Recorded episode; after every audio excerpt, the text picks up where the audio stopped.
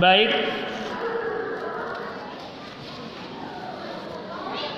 Berbicara tentang Maulid Nabi Muhammad sallallahu alaihi wasallam itu memang membutuhkan penggalian yang lebih dalam. Kalau umat Islam betul-betul mau berislam dengan baik dan benar, maka dia harus mengilmui tiga hal atau dia membutuhkan pengenalan tiga tiga pengenalan. Yang pertama, dia mesti mengenal Allah Subhanahu wa taala. Yang disebut dalam istilah yang praktis ma'rifatullah. Para ulama berkata, awwaluddin ma'rifatullah. Awalnya agama, pendasinya agama itu adalah mengenali Allah.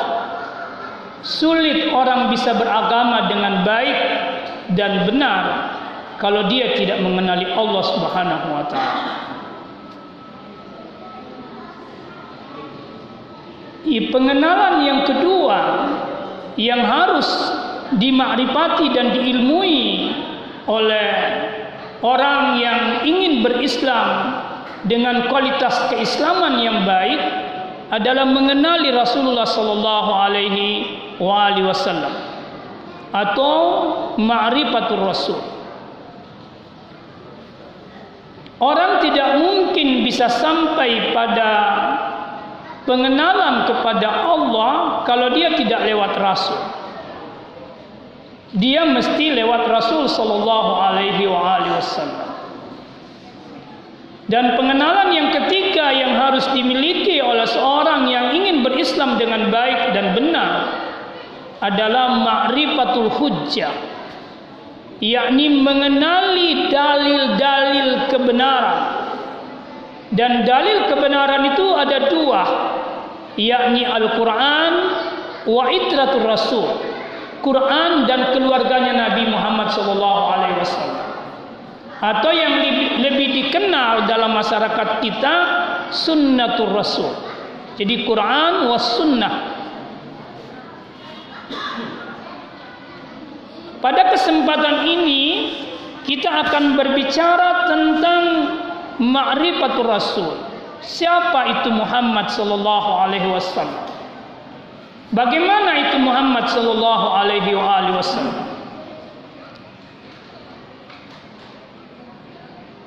Salah satu bukti bahwa masyarakat muslim pada umumnya dan sebagian ustadz mungkin minta maaf ini bahwa dia belum mengenal Muhammad sallallahu alaihi wasallam dengan baik karena masih sering dia berkata Muhammad itu manusia biasa.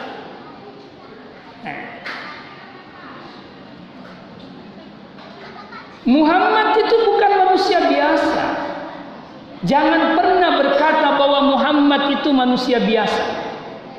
Tidak. Hanya orang yang tidak mengerti dan tidak mengenal Muhammad yang mengatakan bahwa dia manusia biasa.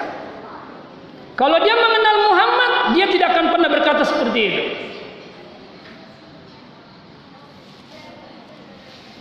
Allah berfirman di dalam Al-Quran, A'udzu billahi minasyaitonir rajim.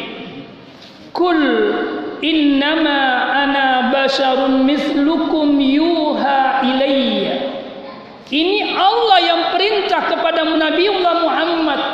Hai Muhammad, katakan, ana basharun mislukum yuha ilayya. Saya ini manusia sama dengan kalian. Tapi orang banyak berhenti pada kalimat saya ini manusia seperti kalian. Dia berhenti di situ. Maka dia kemudian pahami bahwa Muhammad itu manusia biasa. Mestinya dia berlanjut, dia lengkapi perkataan Muhammad yang diperintah oleh Allah, ana basyarun, saya manusia mithlukum seperti kalian yuha ilayya. Saya manusia yang diberi wahyu. Bapak diberi wahyu atau tidak? Ibu diberi wahyu atau tidak? Tidak.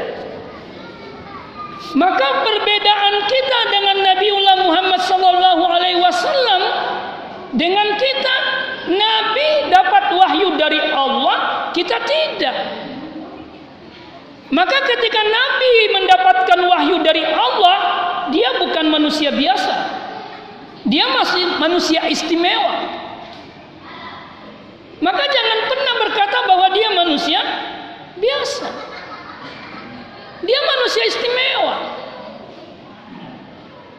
Kalau bapak dan ibu dan kita semua mau menjadi istimewa, maka ikuti wahyu yang dibawa oleh Nabiullah Muhammad wasallam. Maka kita istimewa. Karena kita mengikuti orang yang istimewa. Kalau kita mengikuti orang yang istimewa, kita pasti istimewa. Tapi kalau kita ngikutin orang yang tidak istimewa, ia tidak istimewa. Maka pandai-pandailah menjadi pengikut seseorang. Karena salah mengikuti, maka akibatnya juga akan menjadi buruk. Dan tidak ada yang kita bisa kita ikuti dengan baik sebagai uswatun hasanah kecuali Nabiullah Muhammad sallallahu alaihi wasallam. Tadi dibacakan oleh adik saya, saudara saya, Ustaz Aslam, saya sering pasangan dulu dibawa kalau saya bawakan kajian, dia yang bawa dia ngaji di Fakultas Kedokteran uh, uh, apa? jurusan Objin Unhas. Ada kajian rutin saya dulu tafsir di sana. Uh, jadi saya kembali Nabi disebut oleh Allah laqad kana lakum bi rasulillahi uswatun hasanah. Laqad sungguh pada Rasulillah. Di sini lihat bi Rasulillah. Dia tidak mengatakan ayat ini tidak mengatakan fi Muhammad. Tapi dia mengatakan fi Rasulillah. Pada diri Rasul. Bukan pada diri Muhammad, dia disebut fi Muhammad. Tapi fi Rasulillah uswatun hasanah. Ada uswah dan teladan hasanah. Hasanah itu apa? Baik. Tapi baik yang dimaksud di sini adalah menyenangkan hati. Jadi kalau orang yang mengikuti Nabiullah Muhammad wasallam maka hatinya pasti damai. Hatinya pasti senang. Karena yang dia ikuti adalah orang yang mampu menyenangkan dan memberikan kesenangan kepada siapa pun. Dalam bahasa Arab, yang dimaksud baik itu ada empat bahasa Arabnya. Hasanun, tayyibun, khairun, birrun. Empat ini disebut baik semua. Tapi muatan kebaikannya dari empat ini berbeda satu sama lain. Kalau khairun dia baik karena pilihan. Saya kasih contoh Al-Quran mengatakan In tasaddaqu khairul lakum in kuntum ta'lamun. Kalau kau sedekahkan piutang yang engkau berikan kepada seseorang yang berutang, maka itu lebih baik bagimu kalau kamu paham rahasia menyedekahkan piutang. Misalnya, si A berutang sama saya. Saya yang katakan, bulan depan bayar ya. Oke. Jatuh tempo, tidak bisa dia bayar. Pilihan saya dua, menagihnya atau mengilaskannya atau mensedekahkannya. Maka ketika saya mensedekahkannya, karena memang dia tidak mampu bayar dan dia tidak punya kemampuan untuk membayar, berapapun tempo waktu yang saya kasih dia tidak mungkin dia bisa bayar, maka khair itu pilihan terbaik daripada saya menagihnya. Tapi kan susah cari orang yang mau begitu sekarang.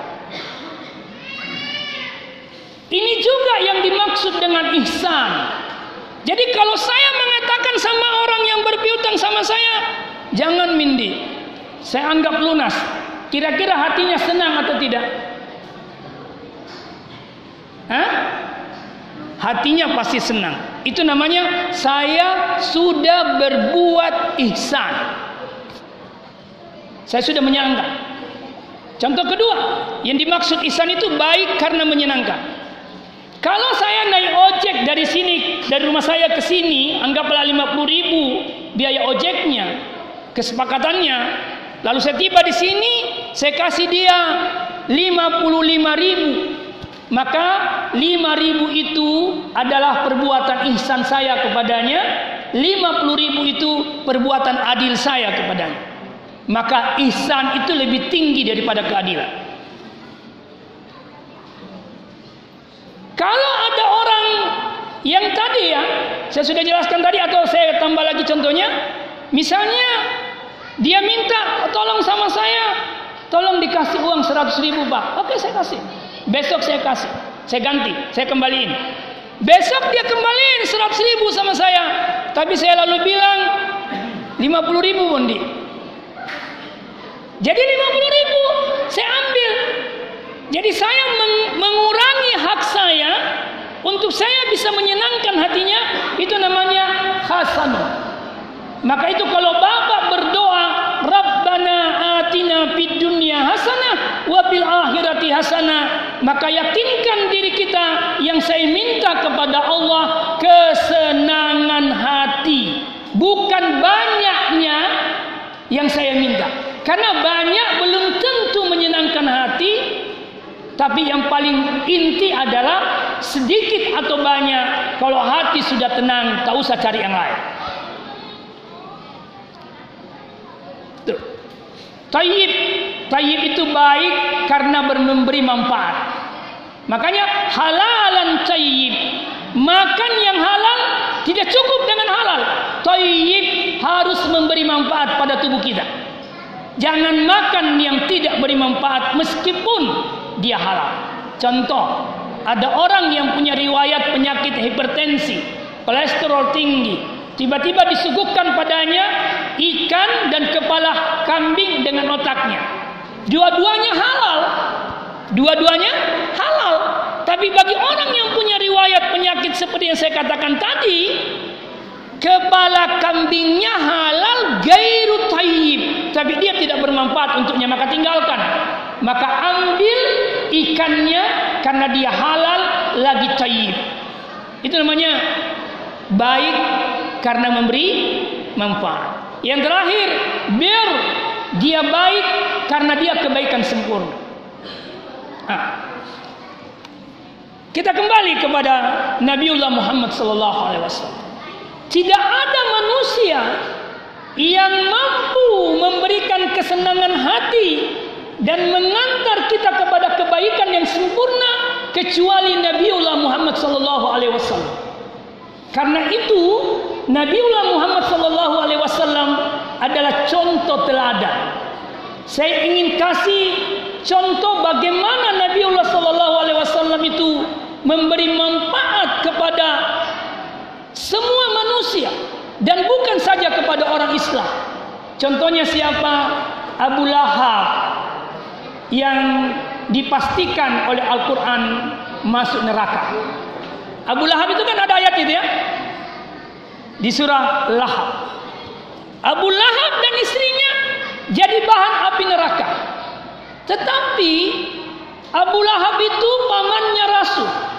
Saudaranya, bapaknya Abdullah.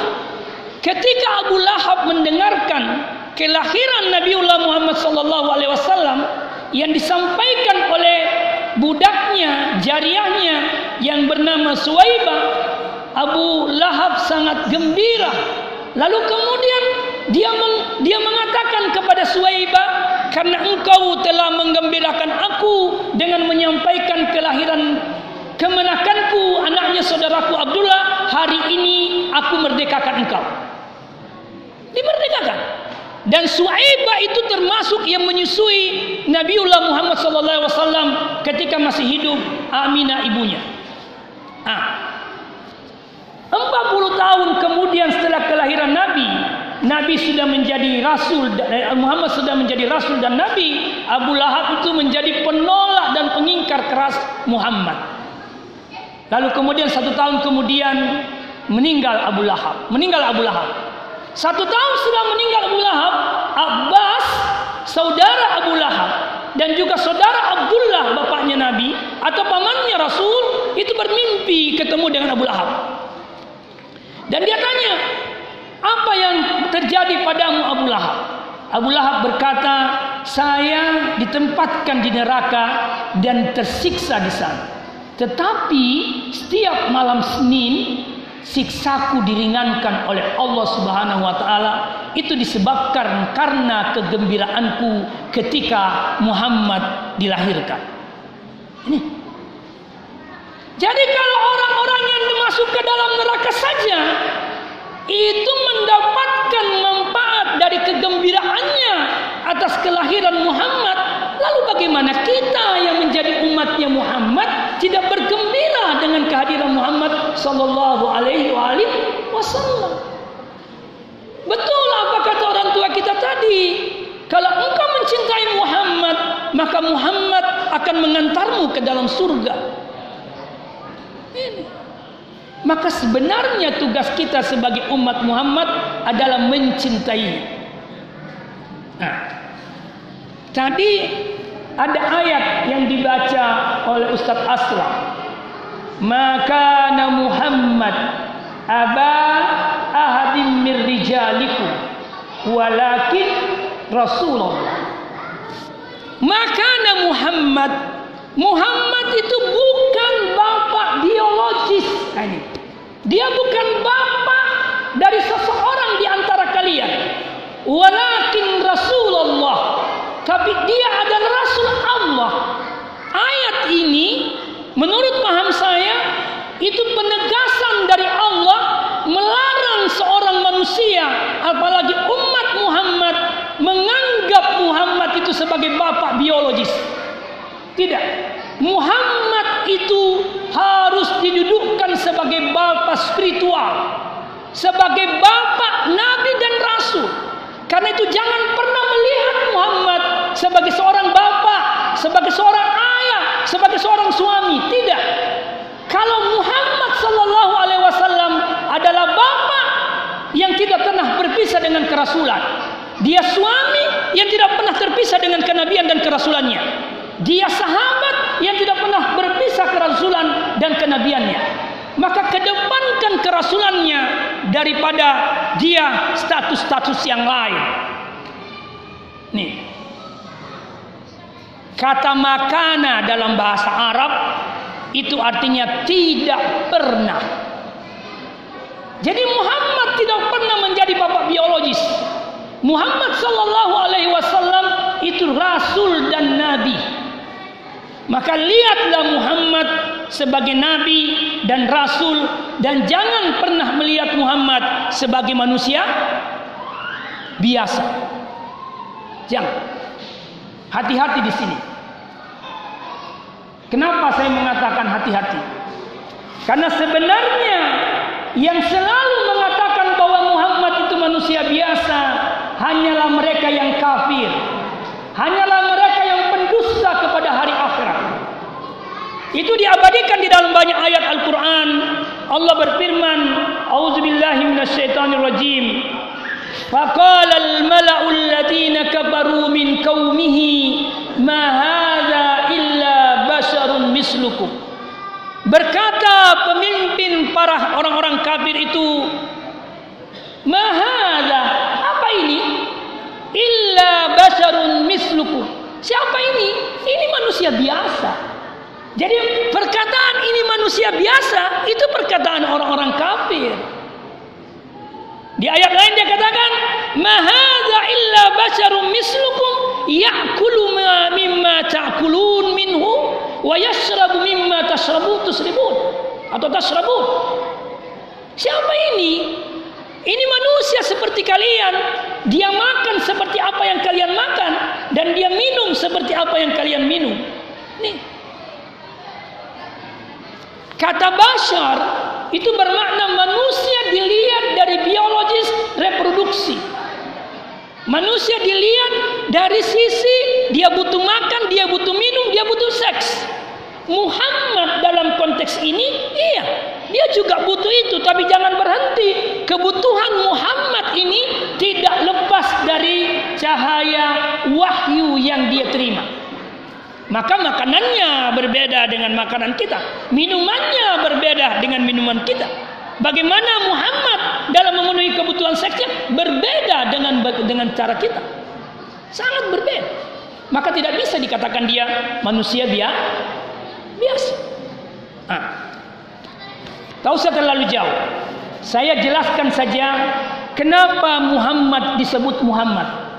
Kenapa Muhammad dinamai Ahmad dan kenapa Muhammad dinamai Abul Qasim. Suatu waktu ditanya Muhammad su'ilal yahud mimma tusamma Muhammad.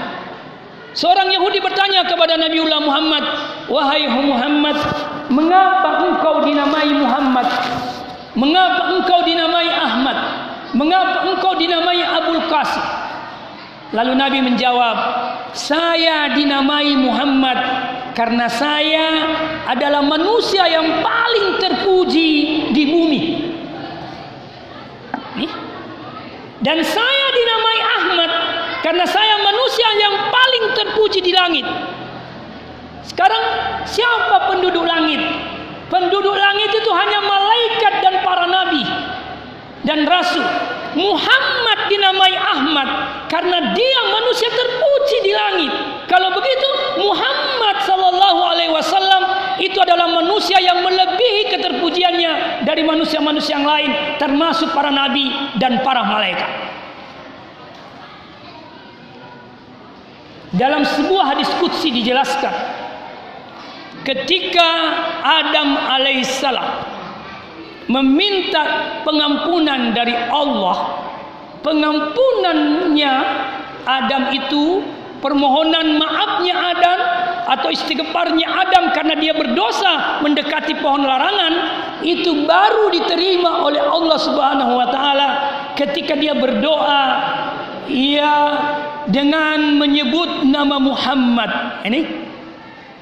Jadi Adam bertawassul kepada Muhammad menjadikan Muhammad sebagai wasilah ketika dia minta pengampunan dari Allah. Lalu baru Allah menerima pengampunannya. Lalu Allah bertanya kepadanya dari mana kau tahu Muhammad wahai Adam? Adam menjawab Ya Allah ketika engkau menciptakanku aku membaca di arasmu kata kalimat Muhammad berdampingan dengan nama Ashhadu an la ilaha illallah wa ashhadu anna Muhammad Rasulullah. Atau la ilaha illallah Muhammadur Rasulullah. Saya berpikir siapa ini Muhammad? Tidak mungkin Muhammad ini orang biasa. Dia orang istimewa karena didilekatkan pada sisimu di sampingmu didampingkan dengan namamu maka saya sebutlah nama Muhammad ketika aku mohon maaf padamu. Apa kata Allah? Hei Adam, mu, kalau bukan karena Muhammad, aku tidak menciptakanmu dan aku tidak menciptakan surga. Kalau bukan karena Muhammad, dunia ini tidak ada, Bapak sekalian. Kalau bukan karena Muhammad, ibu tidak ada. Karena bukan karena Muhammad surga tidak ada. Semuanya karena Muhammad. Maka Allah menciptakan semuanya. Maka kalau semuanya ingin memberikan manfaat kepada kita, semuanya ingin memberikan manfaat kepada kita dan kita ingin menikmati kenikmatan surgawi, maka tidak ada jalan lain kecuali ittiba kepada Muhammad.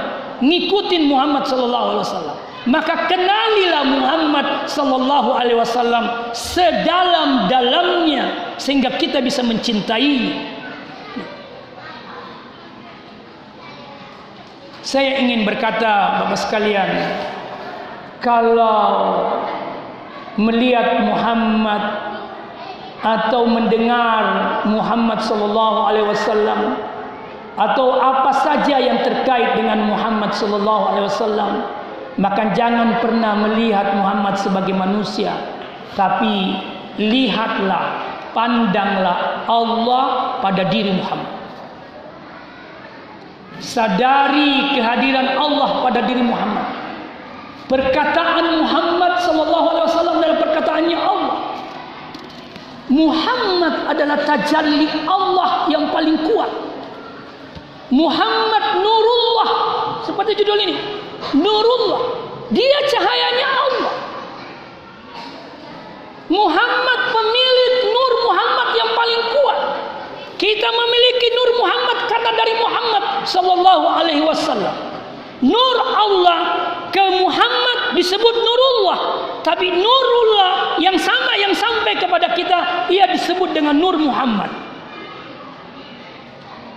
Maka kalau ingin sampai kepada Nurullah, miliki Nur Muhammad, kuatkan Nur Muhammad. Karena itu Muhammad sallallahu alaihi wasallam wasilah kita kepada Allah. Tidak mungkin kita bisa dekat kepada Allah kalau kita tidak lewat Muhammad. Suatu waktu Bapak sekalian, saya memahami Muhammad sebagai wasilah itu saya dikasih contoh oleh Allah secara tiba-tiba. Suatu waktu ada urusan saya dengan seorang uh, dekan atau seorang pimpinan lah. Tiba-tiba saya berdiri di situ. Lalu ada WR WD satunya itu wakilnya lah begitu ketemu dengan saya. Lalu dia tanya, "Kenapa Ki Ustaz?" Dia bilang, "Ada urusanku sama Bapak pimpinan tak." Apa dia bilang? Di sini Ustaz, saya yang kasih dia. Di situ terbetik di hatiku ini yang dimaksud contoh Muhammad sebagai wasilah menuju Allah. Wakilkan dirimu kepada Muhammad, insya Allah sampai kepada Allah. Jangan pernah mewakilkan dirimu pada dirimu sendiri. Tidak mungkin, tidak bisa. Kita hanya bisa mewakilkan urusan kita kepada Muhammad. Maka kita sampai kepada Allah Subhanahu wa taala. Ini yang dimaksud nurul Muhammad wa nurullah wa nuru Muhammad.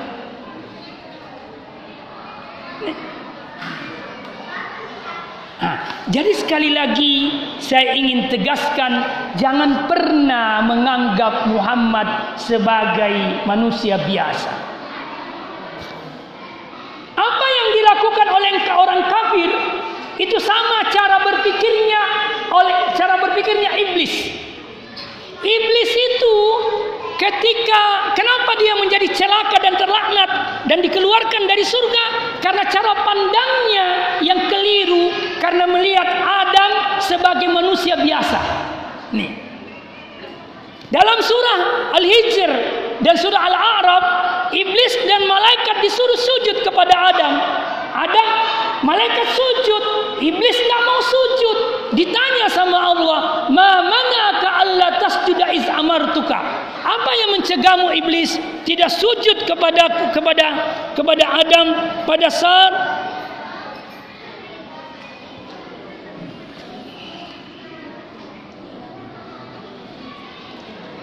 Tidak sujud kepada Adam pada saat padahal saya memerintahkanmu. Ah, iblis menjawab karena Adam tercipta dari tanah dan saya tercipta dari api. Saya lebih baik daripada Adam yang tercipta dari api. Berarti Adam dihinakan oleh iblis. Iblis lupa bahwa yang perintah dia sujud adalah yang menciptakannya, yakni Allah. Malaikat ketika dia disujud suruh sujud kepada Adam, malaikat tidak melihat Adamnya, tapi dia melihat siapa yang perintah dia, yakni Allah Subhanahu wa taala. Iblis berbeda. Dia melihat Adamnya dan dia melupakan siapa yang memerintahkannya. Padahal Allah sudah menegaskan dirinya, "Iz amartuka" ketika aku perintahkan. Sekiranya iblis melihat Allah bukan melihat Adam, maka dia pasti sujud. Pelajaran apa yang kita ambil di sini? Kalau Nabi dan Allah yang perintahkan, tidak perlu kau tanya mengapa dan kenapa. Lakukan saja. Itu yang dimaksud ayat ma'atakumur rasulu fahusuhu. Apa yang datang dari Nabi, ambil wala nahakum anhu pantahu dan apa yang dia larang tinggalkan dan jauhkan. Tak usah berpikir. Kalau Nabi bilang ke kanan ke kanan. Kalau Nabi bilang ke kiri ke kiri. Karena tidak mungkin dia salah.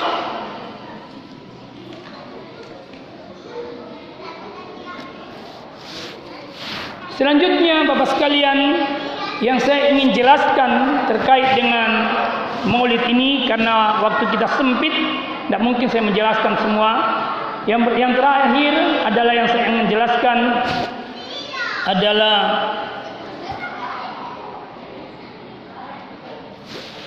Nabi bersabda seperti ini Oh, 10 menit tidak mungkin saya jelaskan ini. Saya hanya ingin katakan ada pertanyaan menarik. Mengapa Nabi diangkat menjadi rasul atau mengapa Muhammad diangkat menjadi rasul di umur 40 tahun? Karena 40 tahun itu adalah umur kematangan baik secara fisik apalagi secara spiritual. Di dalam Al-Quran itu disebutkan di dalam surah Al-Ahqaf. Di sana ada ayat yang mengatakan wa wassaynal insanu biwalidayhi ihsana hamalathu ummuhu kurhan wa wada'athu kurhan wa hamalat wa hamluhu wa fisaluhu salasuna saharan hatta idza balaga asuddahu wa balaga arba'ina sana. Di sini sebut wa balaga arba'ina sana. Kalau dia sudah dewasa, dia sampai pada umur 40 tahun. Kemudian di ayat lain disebutkan satu ayat renungan yang disampaikan Allah di dalam Al-Quran. Alam yakni lilladzina amanu an tahsha'a qulubuhum li zikrillah.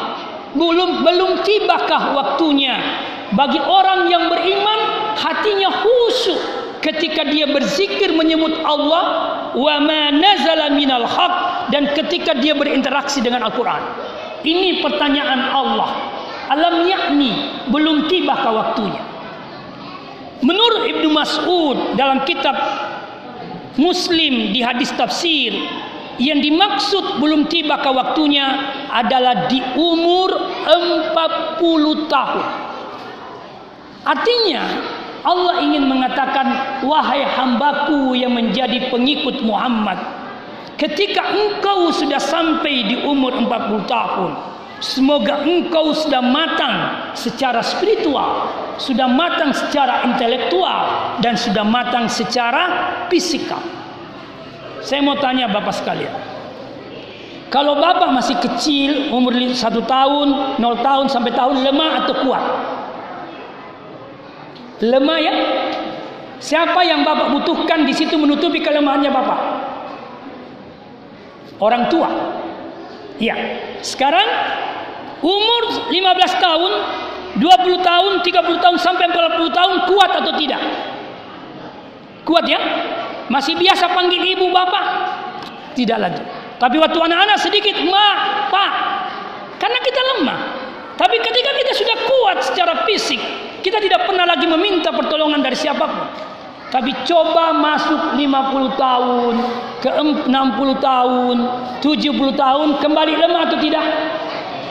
kembali lemah. Sekarang pertanyaan saya, siapa yang bisa menolong bapak di umur 70 tahun, 60 tahun dalam kelemahan seperti batu masih bayi? Siapa? Siapa bu? Anak? Tidak mungkin. Kalau seorang ibu bisa menjaga anaknya 24 jam, maka anak itu hanya bisa menjaga bapaknya 4 jam. Itu pun kalau bisa. Salah satu penyesalan saya yang saya selalu ingat ketika ibu saya mengatakan, "Nak, bermalam kau di sini." Saya bilang, tapi ibu saya sehat waktu itu. Saya bilang, "Ibu, cucu tak mau saya antar sekolah besok." Ternyata tiga hari setelah itu ibu saya sudah meninggal.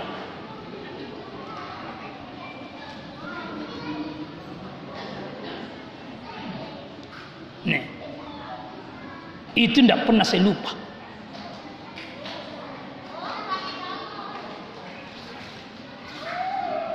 Ketika orang sudah berumur 50, 7, 60, 70, 80 sampai 90 tahun, maka yang dia butuhkan ketika dalam kelemahan fisiknya adalah kesucian rohaninya.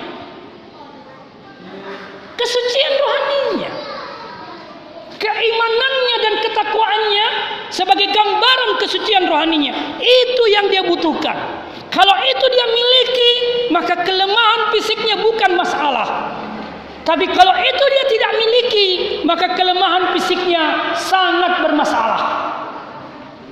Itulah sebabnya Rasulullah sallallahu alaihi wasallam mengatakan dalam sebuah hadis yang bisa dibaca di tafsir Ibnu Katsir dia mengatakan al-abdul muslim hamba yang betul-betul Islam sejati idza balaga arba'ina sana kalau umurnya sudah sampai 40 tahun haffafallahu hisabahu.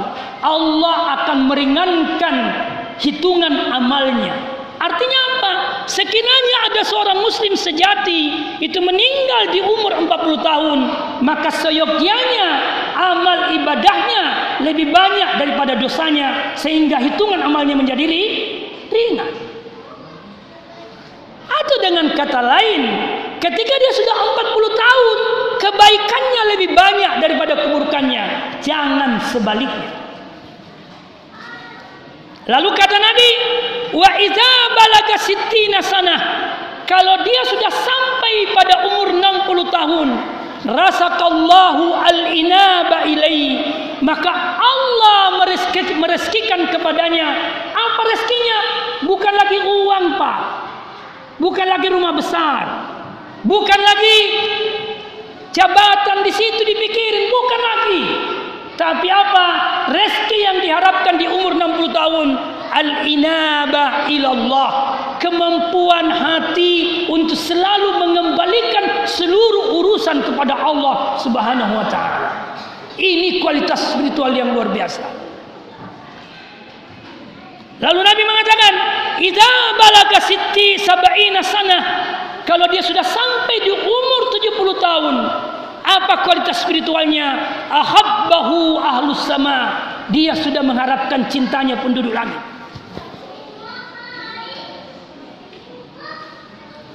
Yang diharapkan cintanya malaikat, doanya malaikat atas pengampunan dirinya yang dia diharapkan doanya para para nabi dan rasul. Nabi pernah berpesan, kalau anda mau tidur, bacalah salawat kepadaku, maka seluruh nabi dan rasul akan bersalawat, membacakan doa untukmu. Jangan sampai engkau tertidur tanpa doa para nabi dan rasul untukmu. Tanpa pengampunan, doa pengampunan nabi dan rasul untukmu. Maka bersalawatlah kepadaku. Itu salah satu pesan Nabi. Nah, jadi kalau orang sudah umurnya sabaina sana, yang dia butuhkan adalah cinta langit, cinta penduduk langit. Itu harapan spiritual yang luar biasa. Lalu Nabi mengatakan, "Idza balaga samanina sana, sabbatallahu hasanatahu hasanatiha hasanatihi wa mahasayiatihi." Allah akan kokohkan kebaikannya. Jadi kalau umurnya sudah 80 tahun, maka Allah akan mengokohkan kebaikannya dan menghapus keburukannya. Semoga orang tua kita tadi saya tanya beliau umur tak berapa Bapak dia bilang 82 tahun. Semoga beliau masuk dalam kategori seperti ini. Amin bihaqqi Muhammadin sallallahu alaihi wasallam. Sampai keruta tersen berapa?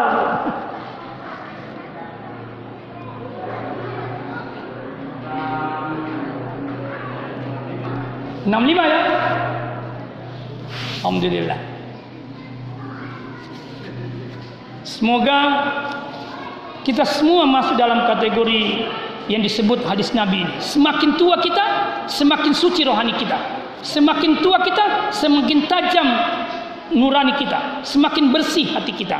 Lalu terakhir kata Nabi, "Idza balagati tis'ina sana," kalau sudah sampai 90 tahun, guru ta'liyafid sudah 90 tahun lebih. Ghafarallahu lahu ma taqaddama min sambi. Seluruh dosanya yang lewat terampuni. Wa ma ta'akhkhar. Yang dimaksud matahar, dosa akan datang juga, tidak akan ada lagi. Bahkan Allah memberikan semacam bonus yang luar biasa. Syaffa'ahullahu fi ahli baitihi. Dia diberi kemampuan oleh Allah untuk memberikan syafaat kepada keluarganya. Wa kutiba fis sama dan dia ditulis di langit asirullah bil ar. Dia menjadi tawanannya Allah di bumi. Pak, kalau kita menjadi tawanannya Allah, apa butuh? Apa apa apa ada masih ada kekhawatiran? Hah? Kalau kita menjadi tawanan manusia dan makhluk, iya. Kita selalu khawatir. Tapi kalau kita menjadi tawanannya Allah, tidak perlu ada kekhawatiran lagi.